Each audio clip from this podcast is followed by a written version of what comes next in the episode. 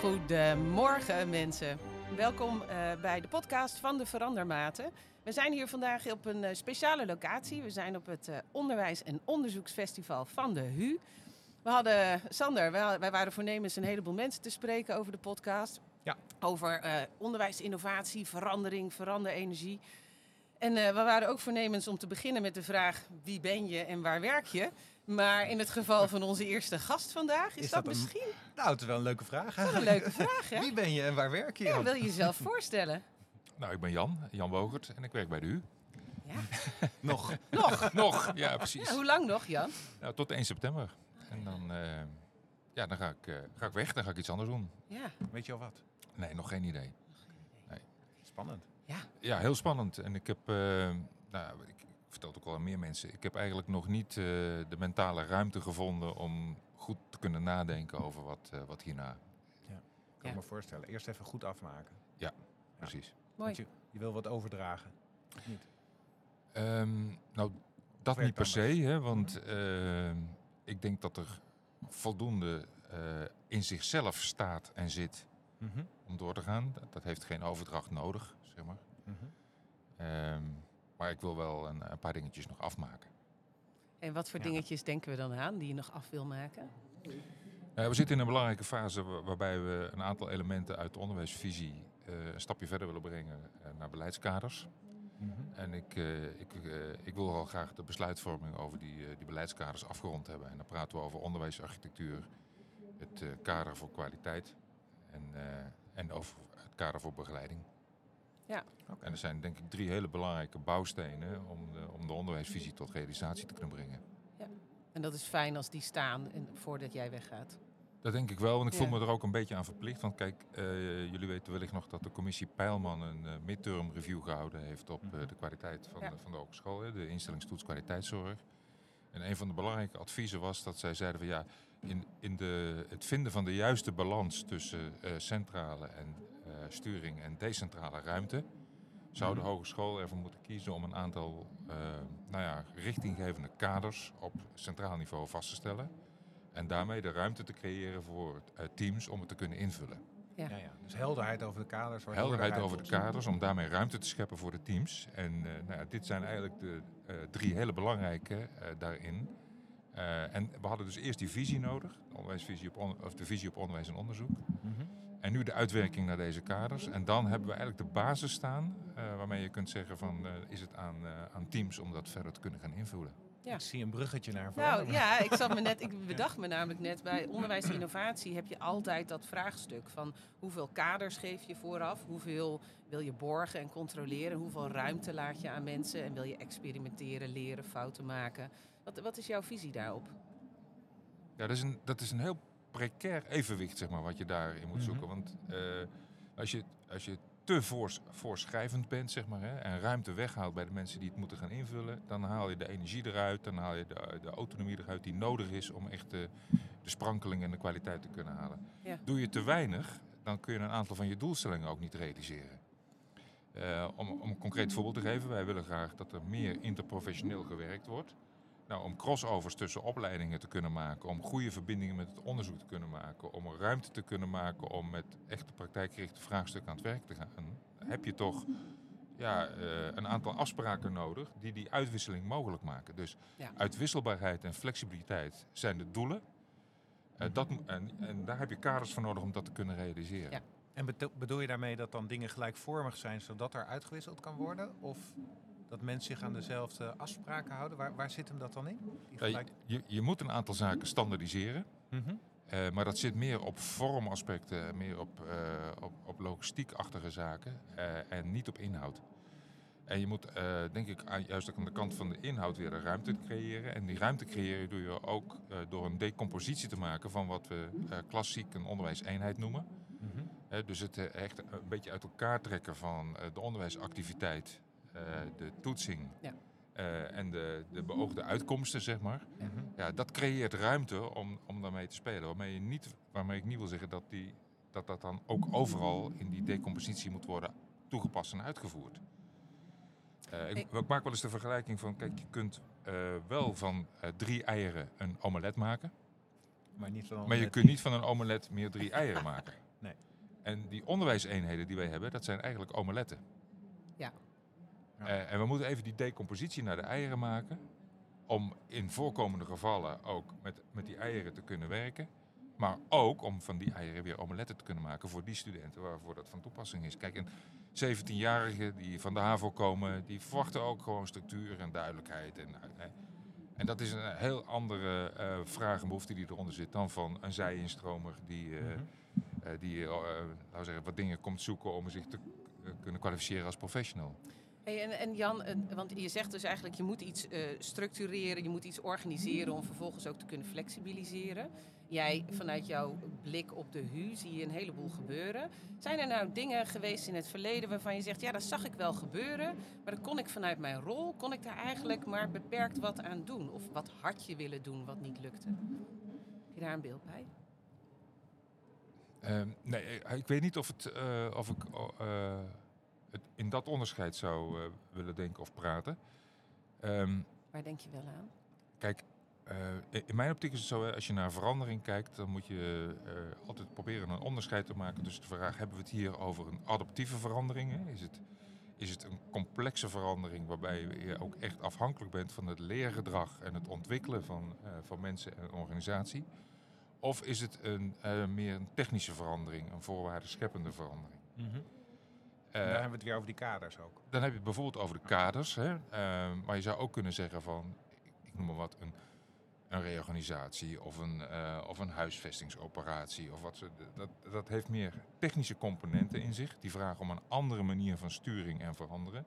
Dan wanneer het echt gaat om het ontwikkelen, eh, een nieuw gedrag leren, eh, meer eh, die adaptieve verandering. Mhm. Eh, en in dat laatste geval moet je, moet je het vooral niet technisch aanvliegen, maar moet je de beweging faciliteren. Ja. En dat, bij onderwijs praat je daar dan heel vaak over, denk ik. Dus je moet richting geven, je moet, het, eh, je moet de ambitie helder maken. Je, eh, wat we de laatste tijd gedaan hebben, we- we benoemen ook de waarden waarmee we dat willen doen. Denk ik heel belangrijk. Hè? Dus dat we zeggen, ons onderwijs moet toekomstgericht zijn. Ons onderwijs is gericht op samenwerking met onder, onderzoek en met, en met de praktijk. En we doen het ook voor hogere doelen. Hè? Dus een eh, open, rechtvaardige, duurzame samenleving. En dat zijn hele richtinggevende begrippen eh, die, eh, die sturend kunnen zijn in die ontwikkeling en in dat leren en in, in de ontwikkeling. En dan is het, even vanuit mijn rol zeg maar, hè, dan is het belangrijk dat het college van bestuur helderheid geeft over die richting. Die ook probeert heel communicabel te maken en te expliciteren en te blijven herhalen. eh, tot eind- eindeloos zeg maar, dat, eh, dat te blijven aangeven. Tot vervelend toe soms. Hè. Eh, en tegelijk ehm, ehm, eh, nou, ook kaders aangeven waar we het net over hadden. Maar er verder ook van afblijven. Vooral niet te- veel daarmee willen bemoeien. En wat is dan het stukje waarvan je zegt, ja, daar houdt onze rol echt op. Dat, dat, dat is het punt waarop ik het loslaat. En, en wie, van wie hoop je dan dat het overgepakt wordt? Nou, ehm, ja, ik hoop dat het overgepakt wordt door de onderwijsteams. Proberen we ook te stimuleren. Wij gaan, we, we maken ook rondjes langs eh, opleidingscommissies. Praten we ook over onderwijskwaliteit. Mhm. Bevragen we ook op de keuzes die er gemaakt worden aan de docenten en studenten die er zitten. Wij bevragen ook opleidingsmanagers. We bevragen ook directeuren over hun, eh, over hun keuzes. We vragen ook welke ontwikkelingen zij in de omgeving zien. Wat ze als belangrijke ontwikkelingen in het vakgebied zien. We vragen ook hoe de vertaling daarvan gemaakt wordt naar de curricula. Maar dat is laten we zeggen, door middel van, van vragen en belangstelling eh, de ontwikkeling stimuleren in plaats van bedenken en voorschrijven van hoe het zou moeten. Ja. Ja. Spannend wordt het hè, op het moment dat je, eh, en daar hebben we ook qua, qua sturing eh, best wel, zijn we er even tegen aangelopen. In de COVID-periode eh, moesten er een aantal dingen gebeuren. Ja. Bijvoorbeeld rondom toetsing. Er moest ineens anders hè, om de studievoortgang erin te houden. Eh, Proctoring eh, was toen een ding. proctoring was bijvoorbeeld een ding. Ja, dat vraagt een hele andere veranderaanpak, kan ik me voorstellen. Want het is er zit een urgentie op, er is een crisis. Er Ja, is, dan- maar kijk, en die maakte het wel spannend, want inhoudelijk zou je zeggen, eh, zou je die veranderlijn moeten kunnen vasthouden waar ik het net over had. Mhm. Maar doordat het er crisiselementen op zaten, moesten we als college van bestuur daar toch sturender in zijn. Ja. Ja. Eh, en, en, ja, en dat speelt eh, de laatste tijd wel meer, heb ik het idee, dat er onderwerpen, vraagstukken voorbij komen die niet altijd de ruimte geven voor een volledig adaptieve aanpak. En kun je er een noemen? Wat nu speelt? Nou, wat nu bijvoorbeeld speelt, is het vraagstuk rondom studentenwelzijn. Een se- sense of belonging. Dat is het en dat- afnemen. En dat is een, eh, je zou kunnen zeggen, het is de follow-up van de coronacrisis, maar die de problematiek is enorm. Ja. En dat, dat, dat vraagt niet om, eh, om lange bewegingen om daar iets aan te doen. Nee, dat, eh, daar moeten we echt eh, wat, wat steviger op sturen. En wat doet dat met jou, dat je daar een andere aanpak in moet hanteren waarschijnlijk? Nou ja, dat is. ehm,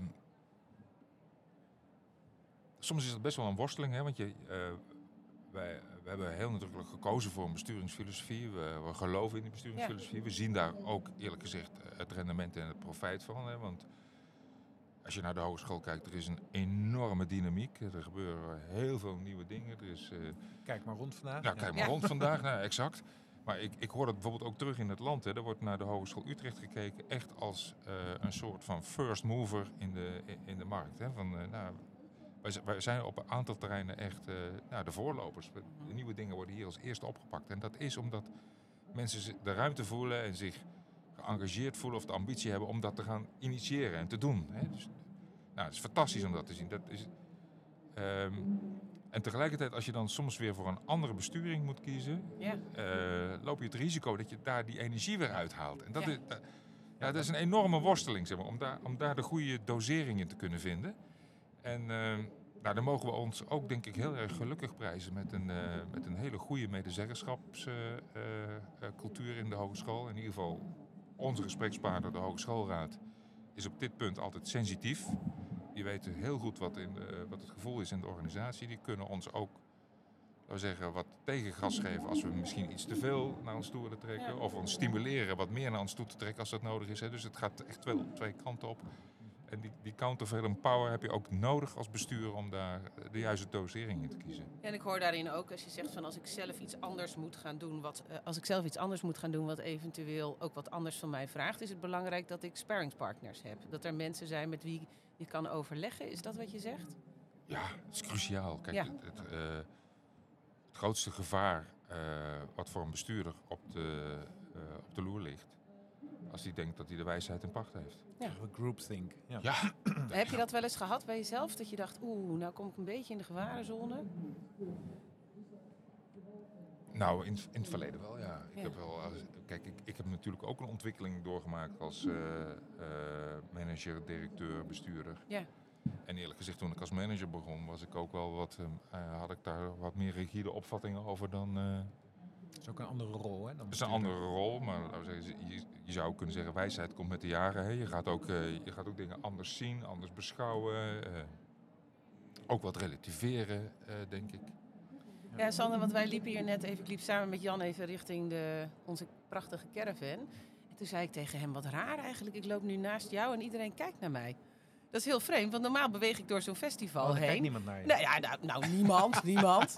Eh, maar het is wel zo dat ik gewoon... Maar nu keek iedereen naar mij en toen zei ik, Jan, maar iedereen kijkt naar jou. Ja, wat doet dat met je? Ja, Ja, ja macht doet iets hè, met mensen. Ik, ik of, of, of dat mensen jou, dat, macht, naar jou kijken eigenlijk. macht, Voor antwoorden misschien. Ja, dat is voor, mooi onderzoek Ja? gedaan waarin eh, eh, mensen, de, deze maatschappij vraagt om bestuurders die, en leiders die goed zijn in netwerken en in eh, eh, sensitiviteit, organisatiesensitiviteit, al dat soort dingen. En op het moment dat ze op een bepaalde positie komt, dan doet dat iets met mensen waardoor ze die sensitiviteit zichtbaar verliezen. Eh, eh, die, die, eh, ja, er verandert iets omdat je op een bepaalde positie zit. Dat is bekend gegeven, hè? Macht, macht corrompeert. Ja. Ja. en dat is dan de negatieve. maar, maar wat.